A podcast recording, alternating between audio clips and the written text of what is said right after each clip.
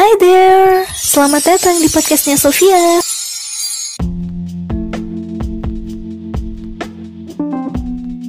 Hari ini ada seseorang yang bercerita tentang pengalamannya yang pernah mengidap penyakit Bell's palsy. Namun sebelumnya ia didiagnosa menderita stroke oleh dokter yang menanganinya. Di saat dia mengetahui kabar tersebut, hatinya tuh merasa hancur dan perasaannya tuh bener-bener yang sedih banget. Dia didiagnosa penyakit stroke di usianya yang masih sangat muda, di tengah gelora jiwanya yang masih menggebu-gebu dengan semangatnya yang masih membara, di tengah kesibukan kesibukannya yang memang saat itu padat sebagai seorang mahasiswa. Dan gimana cara dia melewati semua itu? Teman-teman dengerin curhatannya di episode kali ini. Didiagnosa stroke saat masih menjadi mahasiswa, hati saya hancur. I tell you something, just tell me. Iya, halo Teh, apa kabar? Alhamdulillah sehat. Mana keadaannya hari ini? Alhamdulillah saya dalam kondisi baik. Alhamdulillah senang ya dengarnya kalau gitu. Iya, ya terima kasih Teteh atas kesempatannya kepada saya sudah diberikan waktu untuk cerita mengenai pengalaman saya. Berbicara pengalaman, ya dalam hidup ini saya sangat menyukai yang namanya perjuangan karena saya lahir dari keluarga dikategorikan tidak mampu. Meski begitu saya sangat beruntung karena saya punya semangat. Semangat saya salah satunya saya ingin sekolah. Saya ingin mengangkat derajat orang tua saya melalui pendidikan. Saya tahu melalui pendidikan adalah jalan yang akan sangat lebih cepat, jauh lebih mudah untuk saya lakukan dalam mewujudkan keinginan saya. Sehingga sejak tahun 2009 saya merantau tinggal di salah satu panti asuhan di Kabupaten Subang. Tahun 2012 pindah untuk melanjutkan sekolah di Pondok Pesantren Yatim Piatu pada tahun 2015. Alhamdulillah saya dapat melanjutkan pendidikan. Aslinya dari mana? Saya aslinya dari Tasikmalaya. Saya punya motivasi. Motivasi saya adalah minority. Bisa dihitung ada berapa alumni dari panti asuhan yang bisa kuliah. Walaupun minority, saya menjadikan diri saya tidak gengsi, tidak percaya diri, tapi saya menjadikan itu kebalikannya. Saya di sini minority, saya bisa menjadi minority juga dengan prestasi saya. Artinya di sini saya harus belajar sungguh-sungguh, harus bekerja keras, biar bagaimanapun saya harus sudah bisa membantu keluarga saya. Hingga akhirnya 2016 juga saya membawa adik saya yang paling kecil agar dia uh, bisa sekolah sebagaimana mestinya karena waktu itu sempat ada trouble ketika dia tinggal di kampung dengan proses pendidikannya. Pada tahun 2017 membawa adik yang pertama perempuan sama juga tinggal di panti asuhan saya pada waktu itu apa yang saya niatkan dan saya tekadkan membuahkan hasil. Salah satunya, alhamdulillah, saya dapat juara pertama mahasiswa dengan kisah terinspiratif nasional tahun 2017. Kemudian hal itu disusul lagi juga mendapatkan juara tiga kisah mahasiswa terinspiratif nasional. Disusul lagi dengan pada tahun 2018 masih sangat saya ingat sampai sekarang saya dapat mengikuti International Conference and Culture Language and Literature di Kuala Lumpur Malaysia. Dengan luaran alhamdulillah saya dapat publikasikan artikel di International Journal of Culture and History. Pada masa itu mahasiswa yang bisa menerbitkan artikel di jurnal ilmiah terlebih lagi uh, berskala internasional bisa dibilang masih sangat jarang untuk masuk S1. Saya sangat bersyukuri itu. Tetapi setelah proses itu ada beberapa hal yang tentunya saya pun tidak menyangka kalau saya akan mendapatkan ujian seberat itu pada saat itu. Tepatnya waktu itu saya habis melaksanakan lomba di Malang, terus kemudian di di Bandung. Saya masih sehat-sehat gitu teh. Nah setelah lomba, aja saya pulang lah ke Tasik. Pas sudah pulang dari Tasik, balik lagi ke Jatinangor, saya sakit di tenggorokan, pas malamnya tersakit di bagian telinga, gitu teh. Saya ke dokter, sama dokter dikasih obat tes telinga, tapi masih sakit. Keesok harinya, ya hari Selasa, waktu itu kalau nggak salah tanggal 12 Oktober ya, atau November 12 Oktober, saya tuh bangun sekitar jam 3 siang menjelang sore. Pas bangun, teman saya tuh kaget gitu teh. Wajahnya kenapa jadi kayak gitu, kayak stroke gitu, kayak bengok, bengok teh stroke gitu, kayak stroke gitu. Waktu itu aku nggak sadar karena aku nggak ngerasa Ada perubahan sakit gitu atau Hmm, gitu nggak ngerasa ada perubahan. Awalnya ketawa-ketawa tapi pas sudah aku masuk ke kamar kok aku wajah aku jadi kayak gini gitu. Hmm. aku bener-bener waktu itu kayak sedih banget besok harinya kuliah kebetulan masih ada kuliah aku tetap memaksakan kuliah.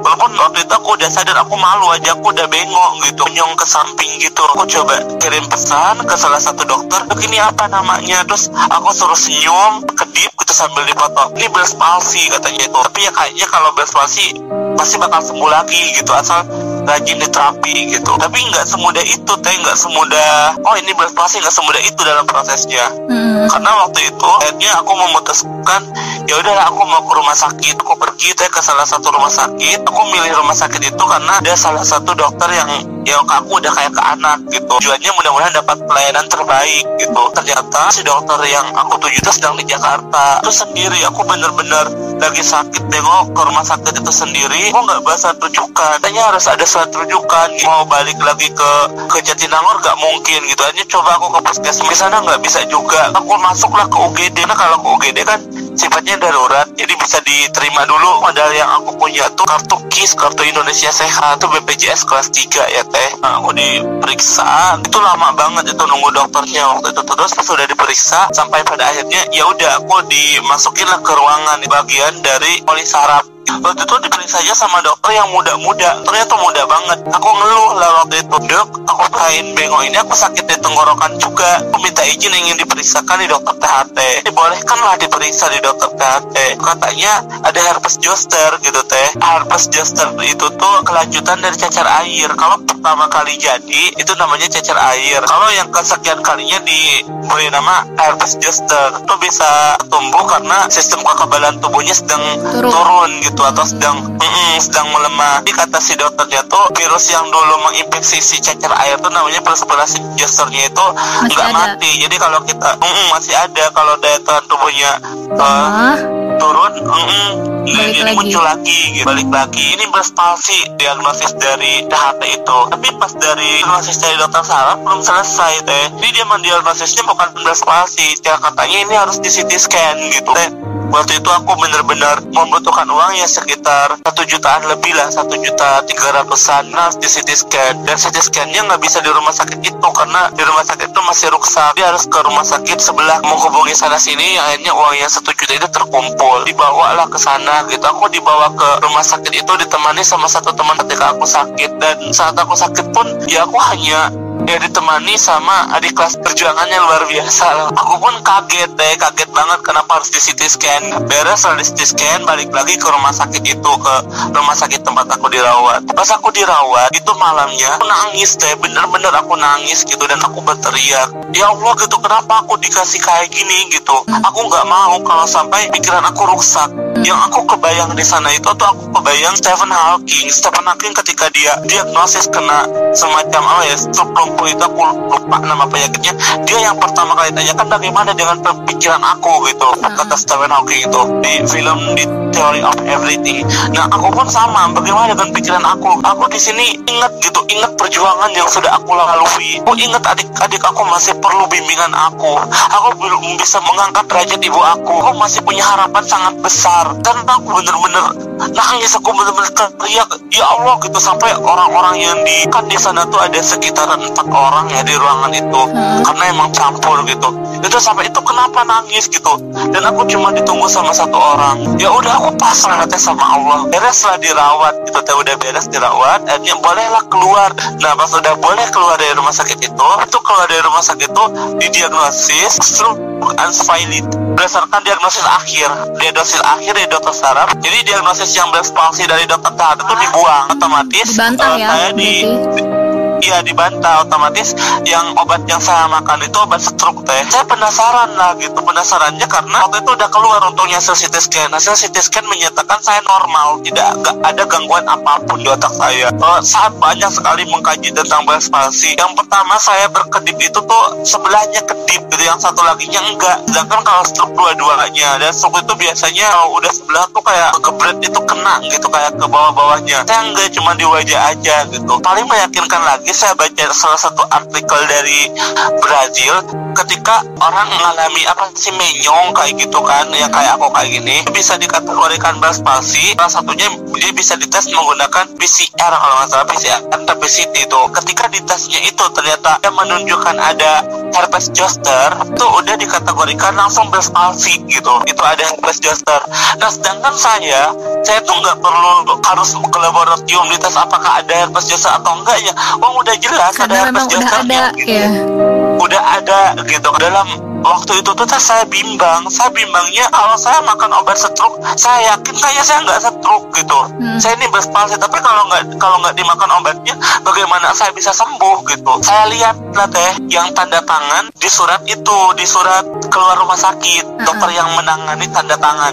Ternyata dokter yang tanda tangan di sana tuh atas nama dokter bla bla bla. Udah satu minggu kan boleh kontrol. Dokter eh, susternya suster saya di bagian informasi saya mau eh, konsultasi dengan dokter atas nama ini gitu kan. Saya sampai di ruangan Kenapa? kagetnya ternyata dokter yang datangin di surat saya keluar rumah sakit itu belum pernah ketemu saya. Saya nanya dokter yang ngerawat saya dokter yang muda itu siapa namanya? Dokter yang muda itu itu dokter baru gitu. Mungkin masih koas atau gimana. Sedangkan dokter yang tahu jawab ke saya nggak pernah mengontrol saya gitu. Makin bertambah kecurigaan saya aduh kayaknya saya ini mentang-mentang kelas 3 mungkin pakai kartu Indonesia Sehat. Jadi saya ditangani sama yang dokter koas itu. Nggak apa-apa sih sebenarnya ditangani sama dokter koas. Tapi kan harus didampingi sama dokter utamanya. Ini nggak pernah datang dan saya nggak pernah tahu pas tahu-tahu pas mau konsultasi atau mungkin adakah miskomunikasi yang terjadi dengan saya ini gitu. Saya maksa nanya lah teh ke dokternya. Dokter nah ini di sini tuh kan nggak ada keluhan di otak saya hasil CT scan normal. Ya katanya tuh hasil CT scan dan waktu itu saya masih nggak percaya aja saya dibandingkan lah sama "Oh, dokter katanya coba lihat anak ini. Ini kan stroke bukan Bell's palsy gitu. Pokoknya waktu itu jawaban dari dokter itu tuh menjadi sebuah judgmental yang membuat saya tuh saya tiap malam tuh menangis. Udah memposisi wajah saya tuh nggak bisa digerakkan kan. Sebelah tuh nggak bisa keluar air mata. Sebelah mata itu. Itu benar-benar di sana itu hanya diri saya dan Tuhan lah yang bisa menolong itu gitu teh. Saya komunikasi dengan orang susah gitu nggak bisa. Ya kalau saya ngomong belum tentu juga mereka mau ngerti gitu dan bisa mau mengerti gitu. Bahasa yang Anas keluarkan juga keluarkan juga itu tuh nggak nggak selancar biasanya. nggak selancar biasanya juga gitu. Jadi saya agak agak lerok lah gitu agak cadel gitu. Hmm. nggak jelas. Selain itu kan kata-kata yang saya ungkapkan juga maksudnya tuh belum tentu bisa dipahami juga oleh orang. Karena emang sakit itu kan hanya bisa dirasakan oleh diri sendiri gitu. Orang kadang-kadang nggak bisa merasakan sampai ke dalam-dalamnya gitu. Satu saja lah makan obat stroke gitu. Akhirnya- Sampai selama berapa lama itu makan obat stroke? makan obat stroke. Berarti dari sekitaran November ya? Oktober lah oh, iya November November Desember dua bulanan lebih lah. Sebelum itu sekitar bulan November tuh saya tuh ada orang tua angkat di orang Chinese. Ya udah kamu ikut aja ke sini di akupuntur katanya tuh kayaknya gimana nggak usah katanya tuh. Terus pas pertama kali dilihat ini bukan stroke ini karena angin katanya tuh. Yang best tadi teh gitu. Ini karena angin kalau stroke tuh nggak kayak gini. Terus obatnya dikasih obat apa aja? Dikasih ini ini ini gitu. Jangan dimakan. Kalau saya nggak dimakan gimana saya bisa sembuh? Tapi obat ini obat stroke nggak yakin kalau saya ini stroke gitu. Akhirnya saya makan. Waktu itu tuh obatnya terlalu keras entah gimana karena emang usia minimalnya aja 18 tahun kan. Saya waktu itu baru 21 21 ke 22 tiba-tiba saya tuh pendarahan deh saya BAB berdarah gitu kan. Iya. Bener-bener iya pendarahan saya. Di stop lah gitu. Yang di stop tuh waktu itu karena ada namanya tuh Midiyaspi atau apa gitu. Itu obat pengencer darah masih konsultasi karena kan tetap ambil obat gitu. Nah tapi di sana saya nyari-nyari gitu kan. Saya nanya ke sana sini akhirnya saya dapat sebuah istilah second opinion. Second opinion jadi jejak pendapat kedua saya cari-cari apa tuh second opinion. Nah ternyata ketika tidak sesuai dengan penyakit yang kita alami itu pertama bisa melakukan konsultasi. Ketika sudah melakukan konsultasi masih tidak sesuai juga itu bisa melakukan proses second opinion. Yaitu dari dokter berarti dari dokter saraf berbeda dan dari rumah sakit berbeda. Tapi untuk melakukan itu tuh nggak mudah teh untuk saya itu waktu itu. Karena kan saya modalnya KIS kartu Indonesia Sehat. Saya tuh harus memindahkan pasil nunggu berapa ya waktu itu harus nunggu sampai akhirnya keluarlah udah bisa untuk diperiksa di rumah sakit berbeda. Aduh kamu baru ke sini gitu. Kenapa kamu baru ke sini itu kan saya pakai kis gitu dok gitu. Terus kata dia tuh kacida katanya tuh si dokter itu tuh. Kamu pasti nggak diperiksa kan sama dokter itunya sama si dokter yang intinya itu gitu. Ini kamu Bell's palsy katanya tuh. Jadi benar balik lagi ke Bell's palsy itu. iya Bell's palsy itu. Saya dapat kebenaran ini tuh tanggal 10 Januari. Setelah minum obat stroke selama kurang lebih dua bulan tiga bulan. dua bulan. Iya dua bulan tiga bulan. Barulah setelah itu dapat itu kepastian gitu obat sebagaimana ya obat palsy saya tetap saya tetap di akupuntur berobat akhirnya berhenti. Di akupuntur pun sampai satu tahun lebih karena saya tak kunjung sembuhnya itu lambat. Bahkan sampai sekarang pun masih ada bekas-bekasnya masih ada gitu ya. Jadi kayak masih belum sempurna. Belum balik lagi sempurna lagi gitu ya. Iya, iya sempurna lagi. Dari sana pun sekarang ya saya alhamdulillah kondisi saya sudah semakin membaik. Ya banyak hal yang saya syukuri teh. Yang saya syukuri ternyata saya sebagai manusia dengan walaupun saya anak lahir dari orang miskin tapi dengan prestasi yang saya dapatkan terlebih lagi kata orang katanya saya cakep ganteng dan sebagainya pernah saya merasakan sombong gitu teh ya udahlah gua, gue pintar gitu gue ganteng gitu ya kenapa apa gitu kan? Ya udah gitu eh, santai aja gitu. Tapi pas sudah dikasih sakit saya jadi sadar ternyata apa pun yang ada di dunia ini tuh semuanya titipan. Dan kalau nggak jaga-jaga nggak sadar akan adanya Tuhan nggak sadar akan perlunya berbuat baik kepada manusia perlunya menjaga hawa nafsu menjaga diri ya kayak gitu kejadiannya gitu. Saya itu hikmah yang sangat luar biasa. Dan dari sana ya saya pun jadi lebih kuat lagi. Saya jadi tahu ternyata kekuatan terbesar di dunia ini tuh adalah diri sendiri dan Tuhan. Jika diri sendiri sudah berkomitmen, saya harus kuat, saya akan kuat gitu. Tetapi ketika saya akan kuat, kuatnya ingin dikuatkan oleh orang lain, belum tentu itu akan bisa kuat karena orang lain ya namanya orang kan punya keterbatasan. Dia bisa aja ngomong ke A tiba-tiba jadi B tapi wajar lah namanya manusia kan? Kalau nggak ada salah nggak ada keterbatasan bukan manusia namanya. Jadi saya bisa berkekuatan ada pada diri dan Tuhan. Terus yang lagi sakit jangan membayangkan hal yang jauh-jauh. Kan kadang-kadang kalau orang sakit itu ah saya pengen diperiksa di rumah sakit ini kayaknya bakal sembuh gitu.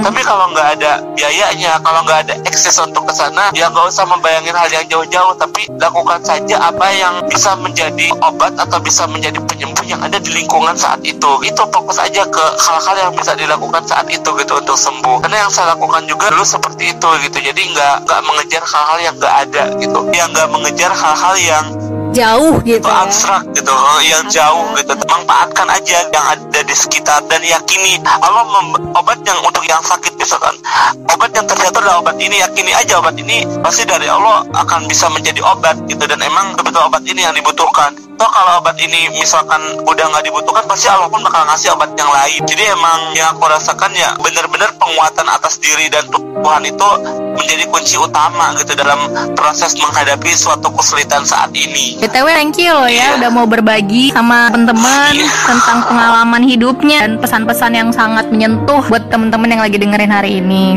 Sama-sama Teteh, terima kasih juga sudah uh, mengundang saya, sudah mempercayakan saya untuk berbicara. Iya. Ya, saya persembahkan semuanya untuk mendengar podcast ini. gitu. Iya, thank you ya. Sama-sama. Setiap orang punya pengalaman.